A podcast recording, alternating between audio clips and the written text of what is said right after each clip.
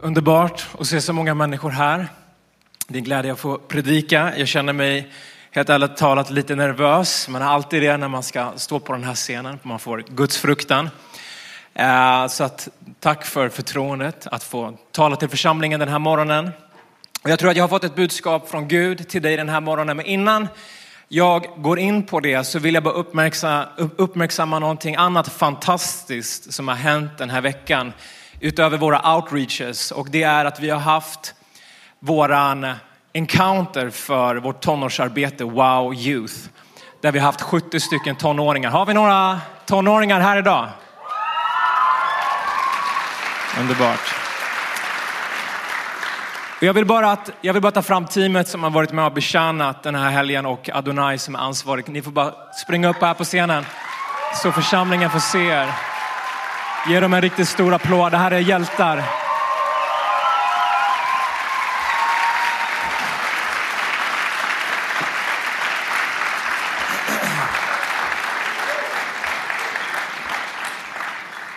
Det här är hjältar som är här varje fredag från klockan 7 till klockan 19 uppe i kupolen. Och under 2020 när pandemin slog till och vi började med våra online-gudstjänster och vi började med en helt annan form av verksamhet nästan kändes det som. Så fick jag en stor oro i mitt hjärta för just tonåringarna. För att vi hade inte riktigt någon, vi kunde inte ha möten för dem, vi hade inga online-möten. Så jag, jag kände en, en, en, oro, vad är det som ska hända med nästa generation nu under den här pandemin? De får inte gå förlorade. Ett år, två år i det, i det stadiet i livet går så här fort och det sker så mycket på kort tid. Så att jag började tillsammans med Adonai som leder arbetet här idag att bygga upp det från början, bygga upp ett nytt team och i början kom det runt 15-20 tonåringar på fredagarna men nu senast så var det upp mot 90 95 tonåringar kom förra fredagen och 70 stycken var med under hela encounten här nu. All ära till Jesus. Men jag vill bara att Adonai ska få berätta kort vad som har hänt den här helgen, för det har hänt så mycket fantastiskt. Jag kan tänka mig, vi i teamet har inte så många ord vad som hände igår och i fredags, men det är allt vi har bett för. Allt vi har bett för slog in. Ordet vi stod var på jobb 42.2 och det står så här, förr har jag hört talas om dig, men nu har jag sett det med egna ögon. Och igår kväll efter sista passet som Kayla hade, så eh, tog den heligande över hela mötet. Vi ledare, alltså vi satt på bänken. Han satte oss på bänken, han tog över. Vi har fått eh, vittnesbörd om att folk har fått helade självbilder, helad förkastelse. Vi har hört folk tagit emot tungotal och det fortsätter regna in vittnesbörd. Och vi har haft roligt. Vi sov över mellan fredagen och lördagen. Och jag tänker mig många av tonåringarna har haft väldigt roligt. Vi har haft roligt. Vi överlevde natten. Eh, vi är kvar.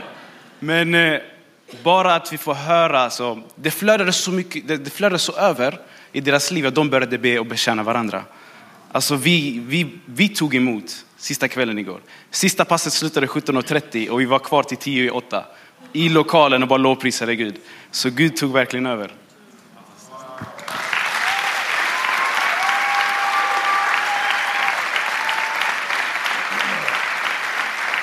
När jag ringde Adonai på, på lördagen där efter fredagen så tänkte jag så här, vad har jag, vad har jag gett mig in på? Så var över med 70 ungdomar mitt på Götgatan. Så jag kände mig som kungen som gick och besökte Daniel i lejongropen.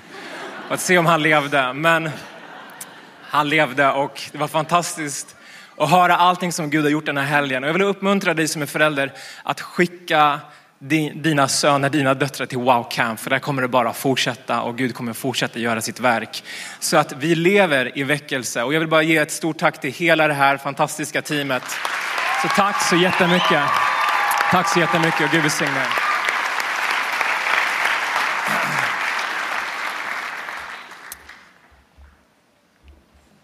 Yes. Uh, jag vill dela ett budskap med dig den här morgonen som jag har eh, levt lite i de senaste månaderna. Jag fick det faktiskt inför den konferensen vi hade här i, eh, var det i mars? Hade vi en konferens. Eh, och det är ett budskap som jag kände att det här har Gud lagt på mitt hjärta och jag tror att, att det kanske var ämnat för den här tiden nu och den här söndagen idag. Så att jag, min bön har varit att Gud verkligen ska få, få tala in till ditt liv. Så min titel den här dagen det är plantera versus begrava. Plantera versus begrava. Så vad är skillnaden mellan att plantera något och begrava någonting? Det som är intressant med att när man gör både och så läggs det i jorden, eller hur? När man planterar någonting så lägger man det i jorden, när man begraver någonting så läggs det i jorden. Men skillnaden är att när vi begraver någonting så läggs det i jorden för att det ska få försvinna. För att det ska få tyna bort, för att det ska kanske ruttna och en gång försvinna och vi lämnar det bakom oss, eller hur?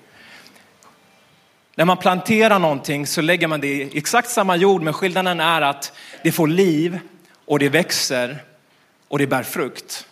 Och vi ger det näring och vi tar hand om det och vi vattnar det. Så att jag vill bara förtydliga, jag ska inte ge dig tips för din trädgård här idag, för då kommer den misslyckas. Utan vad jag vill tala om den här morgonen, det är om ditt liv. För att det som är så intressant är att Jesus talar så ofta om just sådd och skörd. Pastor Sham här gav en väldigt bra introduktion till min predikan. Han var inne på helt rätt spår. Och Jesus talar hela tiden i liknelser om att så, om att skörda, om jorden och såningsmän och, och liknande. Och vad Bibeln vill tala till oss om när, när Jesus talar om de här liknelserna så handlar det om våra liv. Hur vi lever våra liv, de besluten vi fattar i våra liv. Och det är det jag vill tala till dig om den här dagen. För det finns saker som vi behöver begrava och lägga bakom oss. Men det finns också saker som vi behöver plantera i våra liv eller att vi själva behöver plantera oss i någonting för att det ska bli det som det är ämnat till att bli. Amen. Så jag ska ta dig igenom exakt vad jag menar. Jag vill bara ge dig mitt huvudbibelord den här morgonen och jag använder mig av den senaste The Message Translation på svenska som har kommit ut. Så om du känner att den är lite annorlunda, det är en parafras av Bibeln. Så att vi läser från Johannes kapitel 12, vers 24 till 25. Där det står så här. Lyssna noga. Om ett vetekorn inte begravs i marken som dött blir det aldrig mer än ett korn. Men om man begraver det skjuter det skott och blir till många, många korn. Likadant är det med livet. Om man klamrar sig fast vid livet som det är, då dör det för en. Men om man släpper taget om livet i dödsföraktande kärlek, då har man det kvar för alltid, äkta och evigt. Amen. Och det är det som är så fantastiskt den här veckan som har varit. Du kanske har kommit hit den här söndagen och du kanske sträckte din hand på en av våra kvällar. Vet du, när du gjorde det den här veckan så var det det absolut största miraklet som kan äga rum i en människas liv. Och vad som sker det är att man, man lämnar det gamla och man planterar sig i Guds kärlek, i hans jord. Och det är precis som pastor Sham sa, att i Jesus så har vi livet. Utan Jesus inget liv, i Jesus har vi liv. Och du har fått plantera dig i Kristus den här veckan. Så att du har fått ta emot liv.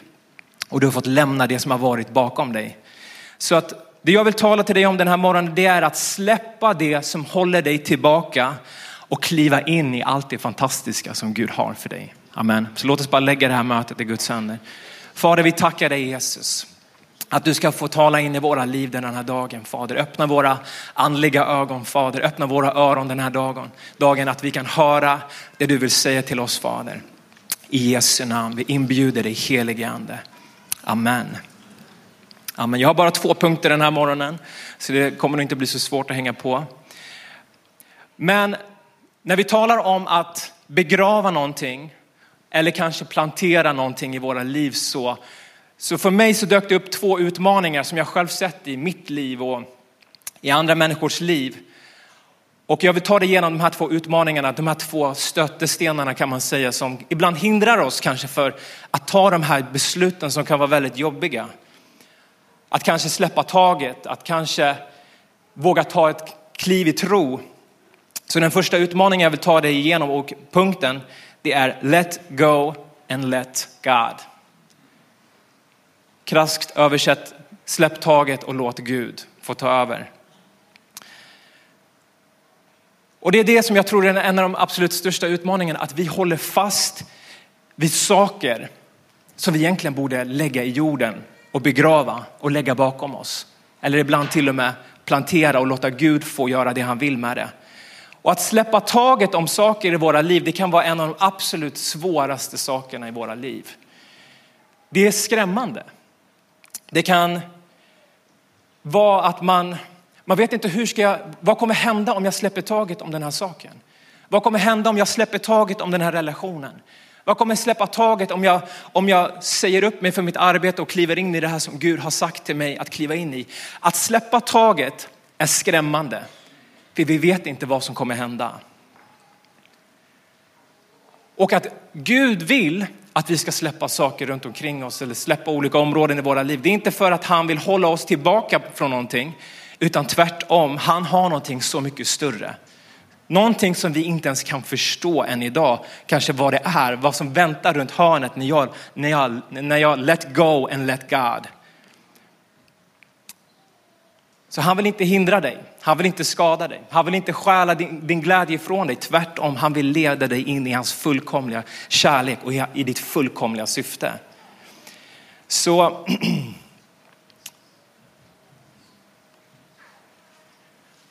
Många gånger så är det inte förrän man verkligen släpper taget till hundra procent som man vet vad Gud har i åtanke för en. Att man vågar ta det här klivet ut på vattnet. Man, man vet inte om det kommer hålla eller inte. Men inte först vi vågar ta det steget många gånger som vi, vi verkligen får se Guds trofasthet, får se hans löften, får se att hans ord verkligen håller det han säger. Och det kan handla om så många olika saker. Jag kommer inte hinna nämna alla olika saker eller exempel. Jag tror att, att Gud kanske har visat dig eller Gud kanske kommer visa dig områden som du behöver antingen begrava eller plantera dig i. Men ett område som är väldigt vanligt det är relationer. Ibland så kan vi vara så kopplad till en person. Det kan vara till en vän, det kan vara till en, en pojkvän, en flickvän, det kan vara en relation som vi vet, den här relationen är inte bra för mig. Den här relationen är, är destruktiv för mig. Eller att den här relationen, det, det, Gud vill inte att jag ska vara i den här relationen just nu, utan han kanske har en bättre timing. Det här var någonting som jag själv fick uppleva tidigt i mitt liv. Jag träffade min fru väldigt, väldigt tidigt. Jag var 14 år gammal. Vi bodde till och med grannar när vi var sju år gamla här i Hammarbyhöjden. Men vi träffades här i församlingen när vi var 13 och 14 år gamla och jag blev blixtförälskad i henne. Och mitt hjärta sa bara att allt jag ville ha var henne. Allt jag ville göra var tillsammans med henne. Jag ville vara med henne. Jag ville, jag ville bli tillsammans med henne redan när jag var så ung. Men, och Guds nåd så var hon mycket visare än vad jag var. Så att hon, hon, hon, hon tyckte att vi skulle vänta och vänta tills Gud visade oss rätt timing. Och det gick en lång period, vi umgicks inte, vi träffades inte, vi hade kontakt bara via sms ibland, vi, vi skrev ibland sådär. Men det var en otroligt svår tid i mitt liv, även om man kanske låter så här, om han var bara 14 år gammal. Men det här, det här var verkligen på riktigt för mig. Och det gick flera år till att vi inte var tillsammans. Men vi hade bestämt oss för att vänta på varandra. Och jag minns att jag kom till en punkt i den här relationen där jag var tvungen att fullständigt dö från henne. Jag var tvungen att fullständigt bara släppa taget om henne, släppa taget av hur saker och ting skulle gå till för att hon skulle få bli min. Jag kommer ihåg att, att vi kom till en, en plats i vår relation där vi bestämde oss för att nu, nu klipper vi banden. Och jag bestämde mig för att jag kommer klippa min relation till henne 100 procent fullt ut. Och jag kommer ihåg, jag åt inte på flera dagar. Jag, jag var så ledsen, jag var helt förstörd. Men på den platsen, när jag dog från den här relationen, det var då min kärlek till Gud blev starkare än vad den någonsin hade varit. Gud hamnade på den första platsen i mitt liv. Jag kommer ihåg att jag bodde, jag bodde faktiskt här i kyrkan, vi bodde längst upp. Jag kommer ihåg att jag gick ut och jag gick till Vitabergsparken upp på ett berg och jag bara bad till Gud. Och Gud, mitt i den här stunden så förändrade Gud mitt liv. Han förändrade min relation till honom, men han förändrade också min relation till Louise. Och det är bara ett litet exempel, men vad det här handlar om är en princip som är så viktig, som jag tror du kan tillämpa oavsett vilken relation du är i. Du behöver inte vara 14 år för att kunna relatera, utan Om du befinner dig i en relation som du känner att jag kan inte vara kvar i den här relationen. Eller du kanske också väntar på den rätta personen eller du kanske inte ens har träffat den rätta personen än. Men vad Gud säger är att dö från den här saken som du vill ha mer än mig. Och då kan det faktiskt bli det, det som det är ämnat till att bli. Gud tvingade mig att som vetekornet få falla ner i jorden och dö från den relationen. För att Gud skulle kunna få den första platsen i mitt liv. Och i år så firar vi 12 år som gifta. För att från den stunden, amen, all ära till Gud. För att från den stunden när jag släppte den relationen, då var det en lång process till att Gud skulle kunna föra oss samman. Och från, från den punkten att jag gav Gud allt så befriade han mig från så många saker som höll mig bunden. Att om jag hade klivit in i mitt äktenskap med de problemen som jag hade då i min tonår, då hade det, mitt äktenskap aldrig blivit så starkt som det är idag. Om jag hade blivit tillsammans med min fru när jag var 14 år gammal, då hade det inte blivit så starkt som det är idag. Gud vill inte hålla mig tillbaka från min fru, men han ville, hålla, han ville att det skulle klivas in i rätt syfte och i rätt timing. Så vad Gud vill med våra liv är att vi ska lita på honom.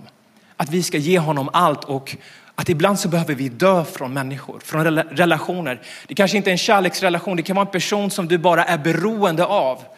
Så att du, du, liksom, du klarar dig inte, du, du, du, vet inte hur ska du, du vet inte ens hur du ska klara av ditt liv utan den här personen.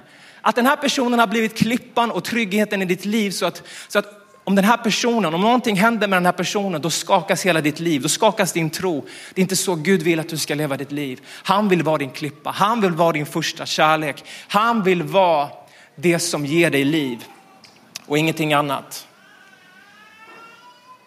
Det kan finnas andra saker som Gud vill att vi ska på djupet begrava i våra liv. Och en sak eller flera saker, det kan vara svek, det kan vara besvikelse, det kan vara sorg, det kan vara smärta. Och ibland så kan vi hålla fast vid smärtan så hårt att den blir så ett med min identitet. Att om inte jag har min smärta kvar, om inte jag har den här självbilden kvar, då vet jag inte vem jag är. Och jag har fått uppleva det här i mitt liv också. Som många vet här så, så dog min syster för 12 år sedan. Och vad jag fick göra efter att jag gick igenom det traumat, vi som familj fick gå igenom det traumat, det var att vi behövde, vi behövde begrava vår sorg. Vi behövde begrava vår smärta.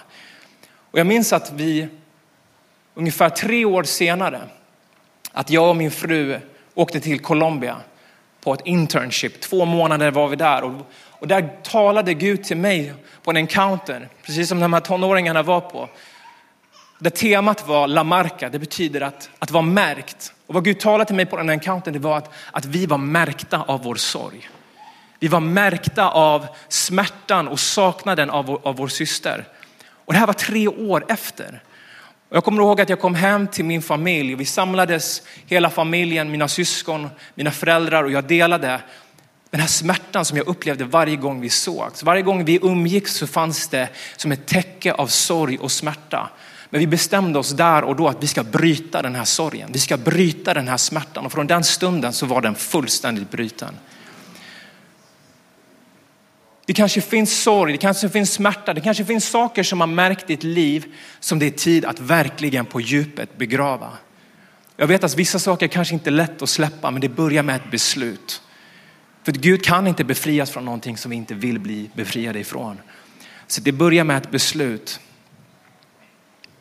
Galaterbrevet kapitel 2, vers 20 säger, och nu lever inte längre jag, utan Kristus lever i mig. Och det liv jag nu lever i min kropp, det lever jag i tron på Guds son som har älskat mig och utgivit sig för mig. Amen. Oavsett vad du kanske känner att Gud pekar på i ditt liv, vad du behöver begrava. Vet du sak, när du låter det falla ner i jorden och dö, då blir du ett med Jesu död. Men du blir även ett med hans uppståndelse. Samma uppståndelsekraft som väckte Jesus mänskliga kropp till liv bor på insidan av dig och mig den dagen vi tar emot Jesus. Och den är fortsatt verksam varje dag. Och det här är helt ologiskt. Det är fullständigt ologiskt. Varför ska jag behöva dö för att få liv? Men det är när vi tar det här steget i tro, vi släpper kontrollen, vi släpper frågan av varför till att vi bara går. Det är då Guds kraft kan uppstå på riktigt i våra liv. Och det kan bli det han har ämnat det till att bli. Och jag vill också bara dela någonting väldigt aktuellt i mitt liv. Ehm, där Gud faktiskt under konferensen som sist var, han, han talade till mig om en, en stor förändring i mitt liv. Och det är att det senaste halvåret så har jag och Louise, vi har, vi har haft två stycken wow-grupper, alltså två stycken grupper av människor som vi har lett här i församlingen. Vi har både lett pastorsteamet här i församlingen, men vi har även lett ett yngre team, ett team som jag har haft sedan jag varit 17 år gammal ungefär, 16 år gammal, 15 år. Och Gud talar till mig om att nu är det tid att du ska få plantera ditt yngre team på en ny plats för att kunna fokusera på pastorsteamet till 100 procent. Och det här har varit en lång, lång process. Eh, en lång, lång tid för oss att kunna göra det. Men, men under konferensen så, så talade Gud till oss att det är dags nu. Det är tid nu. Och jag förstod inte hur smärtsam process det skulle vara. Jag vill bara visa en bild på mina tolv killar som jag haft i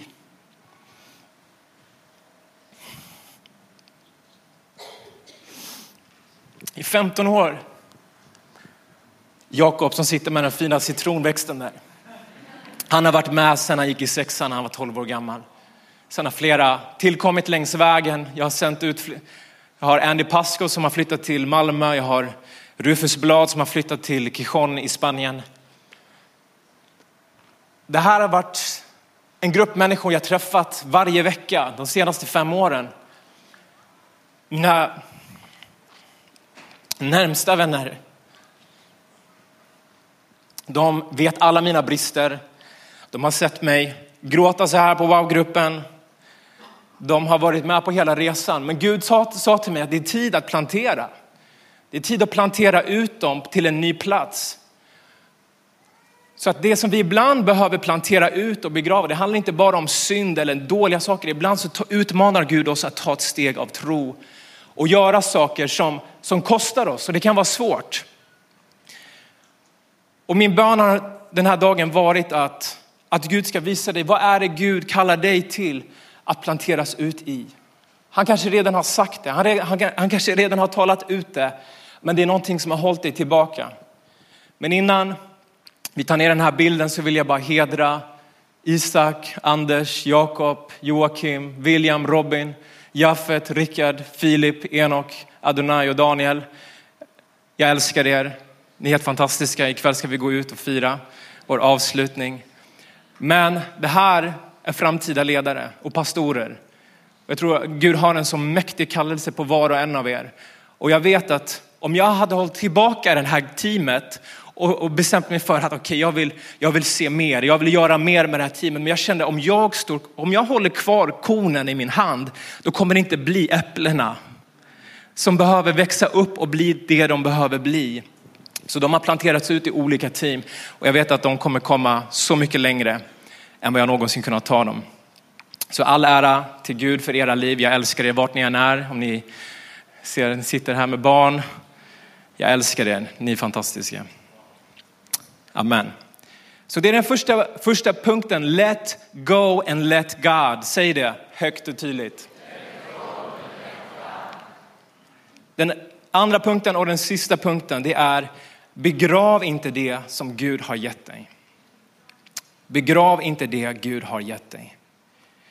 För att den andra diket, det första diket var att vi håller fast vid saker som Gud vill att vi ska släppa. Men det andra diket är att vi håller fast vid, eller att vi gräver ner det som Gud faktiskt vill att vi ska använda oss av. Att vi gömmer det. Att vi gräver ner det, vi lägger det liksom långt ifrån oss. Det kan vara saker som Gud vill att vi ska göra. Det kan vara saker som är kopplade till vår kallelse. Det kan vara kopplat till gåvan som Gud har lagt ner i ditt och mitt liv.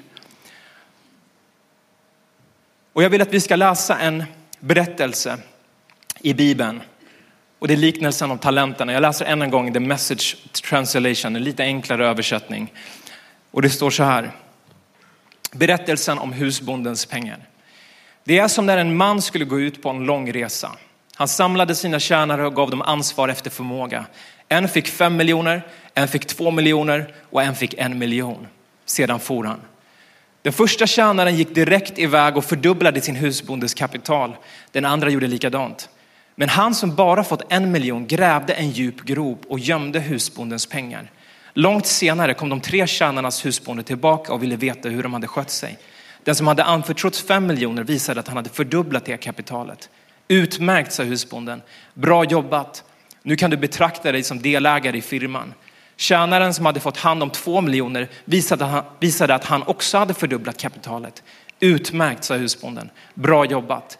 Räkna dig som delägare i firman. Men tjänaren med den, med den enda miljonen sa, Herre, jag visste ju hur noggrann och ordentlig hen är. Att hen bara nöjer sig med det bästa och inte tillåter några misstag. Jag vågade, inte, jag vågade inte göra hen besviken så jag letade upp ett bra gömställe där hens pengar har legat i tryggt förvar. Varsågod, allt är kvar på öret.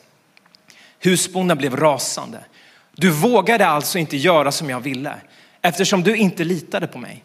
Men om du nu visste att jag bara nöjde mig med det allra bästa, varför gjorde du då inte ens minsta lilla? Det minsta du kunde ha gjort vore väl att sätta in pengarna på banken. Då hade jag i alla fall fått lite ränta. Ta miljonen och ge den till honom som gjorde mest av det han fick.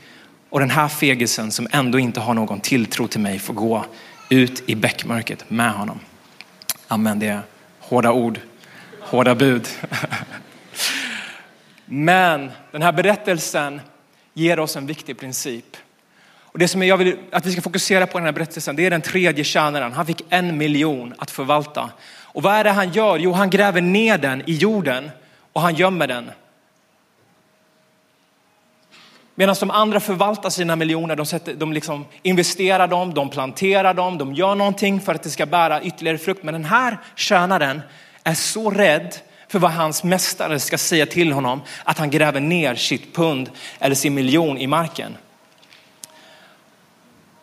Och precis på samma sätt som de här tre tjänarna har fått en viss mängd här i den här kontexten handlar det om, om pengar. Men du och jag, vi har också fått någonting att förvalta här på jorden.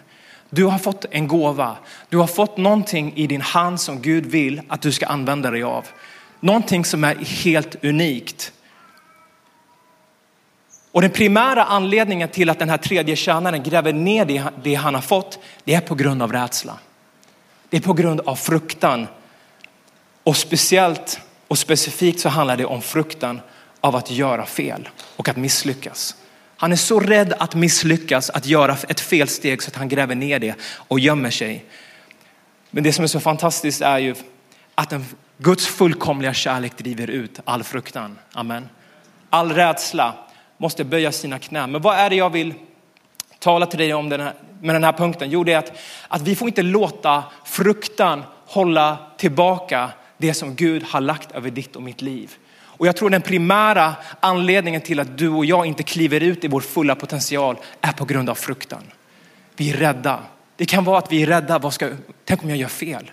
Tänk om jag startar min wow-grupp och jag råkar göra fel. Jag, jag, jag misslyckas. Jag, jag, kan inte hjälpa de här personerna. Tänk om jag pratar med en person på gatan och jag, och jag vet inte vad jag ska säga.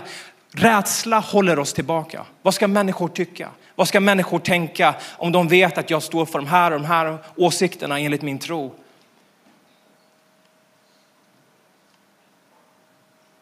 Och vet du en sak? Vi kommer alla känna rädsla. Vi kommer alla känna fruktan. Jag kan känna fruktan av att ställa mig här idag och tala till er. Även om det kanske inte syns så, så känner jag en bävan. Men det är, skillnaden är när vi låter fruktan hålla oss tillbaka från vårt syfte. När fruktan får oss att gräva ner den potentialen, den gåvan Gud har lagt ner i ditt liv, då är det ödesdigert för ditt liv. För att när vi läser i Guds ord och vi ser troshjältarna, vi ser Mose, han stod inför farao. Han stod inför världsledaren för den största, största nationen. Vi ser Josua, han slogs mot 31 folkslag. Gideon ledde 300 mot 1000, eller 120 000 midjaniter. Ester ställde sig framför kungen för hela sitt folks skull. Sadrak, Mesak, Abednego kastades i elden. Daniel i lejongropen. Vi kan liksom nämna man efter man och kvinna efter kvinna. Alla de här personerna kände rädsla och fruktan. Moses sa, jag kan inte tala. Liksom, Gud repeterar för Josua, det känns som att det är typ hundra gånger. Var stark och frimodig. Var stark och frimodig. Var stark och frimodig. Vet att, det, att tjäna Gud är läskigt. Det är läskigt. Det är också fantastiskt. Det finns inget större. Men det är en utmaning. Och Gud vill att du ska släppa taget om din fruktan och gräva upp det här som du kanske har gömt ner och låta det få blomma ut och få bli den fulla potentialen som Gud har lagt i ditt liv. För att i dig så finns det en sån kraft. Det finns en sån kraft och hans namn är Jesus. Det är inte genom din kraft, det är inte genom min kraft, utan det är genom hans kraft det kan ske. Så det är okej okay att vara rädd, men det är inte okej okay att låta rädslan hålla dig tillbaka.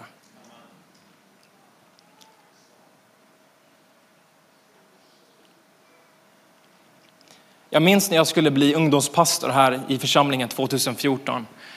Jag kom från med ingen erfarenhet av församlingsarbete. Jag hade varit ledare, haft min, min cellgrupp. Men det var en sån otrolig kamp. Jag hade brottats med det i så många år. Det var inte, det var liksom, jag gjorde, jag gjorde det knappt frivilligt. Det var, det var liksom Gud som puttade in mig i att börja arbeta i församlingen. För att jag, min utmaning var att jag såg på mig själv med så låg, eh, med så, med, med så dålig självbild. Jag såg ner på mig själv. Det jag såg, det var bara på mina svagheter. Jag avskydde att tala inför människor. Jag kände mig introvert. Jag gillar att vara ensam. Liksom allting som man, liksom motsatsen till att vara pastor. Jag bara såg alla de här sakerna i mitt liv som jag kände bara, det här, hur, hur ska jag klara av det här? Varför, varför jag? Det finns tusen andra personer som är så mycket bättre än mig. Men vad Gud ledde mig in i, det var att jag var tvungen att begrava min svaghet. Jag var tvungen att begrava hur jag såg på mig själv för att kunna uppstå med honom i hans kraft och hans härlighet. I början så hade vi kanske 50-60 ungdomar till att Gud reste upp ett ungdomsarbete med mig och Louise till att vi var 300. Idag så ser vi liksom efterföljden och det är ingen ära till mig utan det är bara Gud. All ära till honom. Men för mig har det blivit ett tecken på vad som sker när jag dör från mig själv och låter Gud få uppstå med mig. Så jag vill uppmuntra dig att var inte rädd. Kliv in i det som Gud har kallat dig i. Starta en wow-grupp. Bestäm dig för att tala med den där kollegan. Vad den är som har hållit dig tillbaka. Börja göra det i tro.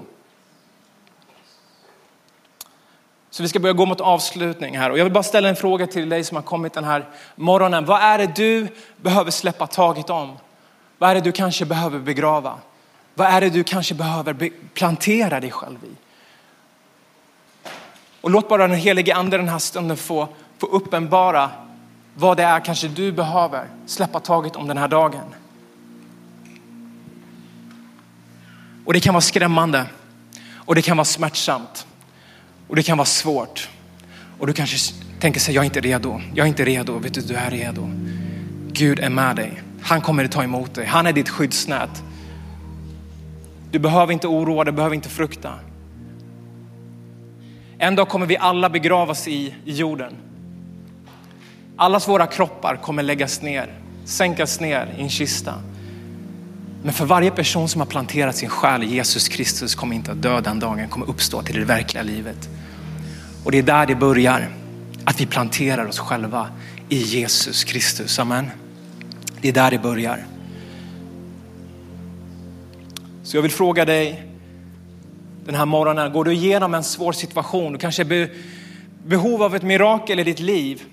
Bestäm dig den här dagen för att begrava ditt tvivel och plantera din tro. Har du haft, precis som jag hade, du haft felaktiga tankar om dig själv, om din självbild. Bestäm dig den här dagen, idag begraver jag varje lögn som har såtts i mitt sinne och jag planterar Guds sanning i mitt hjärta. Har du känt dig fördömd och, och misslyckad? Bestäm dig för att begrava din skam och din synd vid korset den här dagen. Och låt Guds kärlek få planteras i ditt liv. Har du blivit sviken och sårad av en person? Bestäm dig då för att begrava din besvikelse och plantera din förlåtelse. Du kanske är en del av vår församling men du känner jag har inte planterat mig själv här. Jag går i en wow-grupp, jag kommer på söndag, jag kanske är med och tjänar, men du kanske vet, jag har inte planterat mitt hjärta här. Jag har inte mitt hjärta fullt ut i visionen. Jag kanske inte förstått allt och det är helt okej. Okay. Men du kanske behöver bestämma dig för idag så planterar jag mig på den här platsen. Jag bestämmer mig för att rota mig och vara med i det här arbetet vi står i. Du kanske har relationer i ditt liv som Gud har manat dig till att lämna. Bestäm dig idag för att idag så begraver jag den relationen och jag ger den till Gud. Och det sista jag vill fråga dig som är här idag. Du kanske är här för första gången, du kanske har kommit en kväll, men du kanske inte har gjort ett avgörande för Jesus. Men den här dagen så vill jag fråga, om du inte har gett ditt liv till Jesus, men idag så vill du begrava ditt gamla liv och plantera dig i Jesus Kristus. För det är där allting börjar. Att vi planterar oss i Jesus. Att vi dör från oss själva. Inte fysiskt, utan vi dör från vår vilja. Vi säger inte min vilja utan din vilja. Att vi ger vårt liv till Jesus, att han får bli vår Herre. Innan vi kände Jesus så följde vi våra egna begär, vi följde vår egen vilja. Men när vi tillhör Jesus så följer vi hans vilja. Vi följer hans liv, vi följer hans exempel. Och det är precis vad det här vetekornet handlar om som jag läste i början. Att vi faller ner i jorden och vi dör, men det är då vi får liv i Jesus. Och när vi tar det beslutet, du kanske har bett med den här bönen den här veckan. Vet att du är ett frö i Guds åker. Och det kommer också ta tid för dig att få växa in i hans kärlek. Viss förändring kan komma snabbt, viss förändring tar tid. Men bestäm dig för att jag ska vara kvar i Gud. Jag ska vara kvar i det beslutet jag har fattat. Så vi kan bara ta och stå upp tillsammans.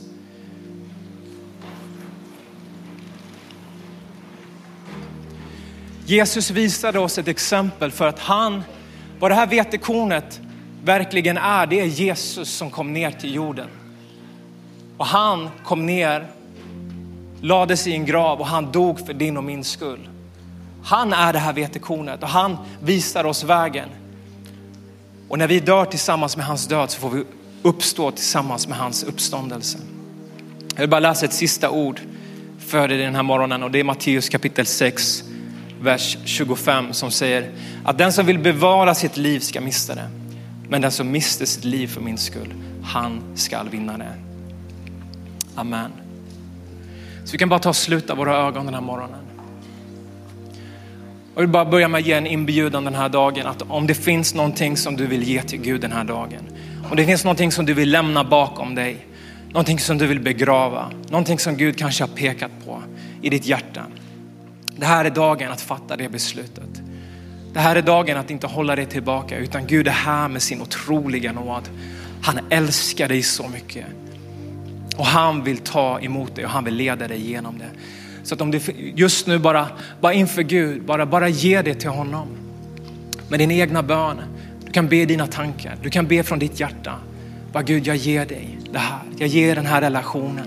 Jag ger den här saken som har fått den för, första platsen i mitt liv. Jag ger den här saken som, som har tagit mitt fokus från det som har varit allra viktigast hela tiden. Den här dagen ger jag dig Fader. Jag begraver dig, jag lägger dig bakom mig. Just nu bara släpp taget om det. Släpp taget just nu. Helige Ande, jag bara ber för varje person här inne just nu, Fader, som du har talat till. Och jag ber att, att du ska ge dem nåd den här morgonen, Herre. Och kraft och styrka, Gud. Att släppa taget om varje sak som har ägt deras hjärtan, Herre. Det är tid att begrava det som ska begravas och plantera det som ska planteras. Och jag ber också för varje person, Fader, som, som kanske har grävt ner det som du har gett dem, Herre. Som har fruktat för att göra misstag eller vad människor ska tycka eller tänka när man har kollat på stormen runt omkring sig som Petrus gjorde. Men man har inte vågat ta steget ut på vattnet. Fader, den här dagen så ber jag för varje person att, att det ska komma en ande av att vara modig, Gud, Herre. Av styrka och av kraft, Herre, att kliva in i allt det som de har fått av dig, Gud, Herre. Som de är kallade till. Att kanske gräva upp det som är nergrävt, Herre. Jag tackar dig Gud Fader, att det här är dagen då du gör ett djupt verk Fader. För varje person. I Jesu namn, du kan bara be efter mig. Jesus, den här dagen lämnar jag bakom mig allting som har hållit mig tillbaka. Jag släpper det i jorden. Jag begraver det. Jag ger det till dig. Fyll mitt hjärta. Fyll mitt tomrum. Ta den första platsen i mitt liv. Ingenting annat ska få äga mig. Jag älskar dig. I Jesu namn. Amen.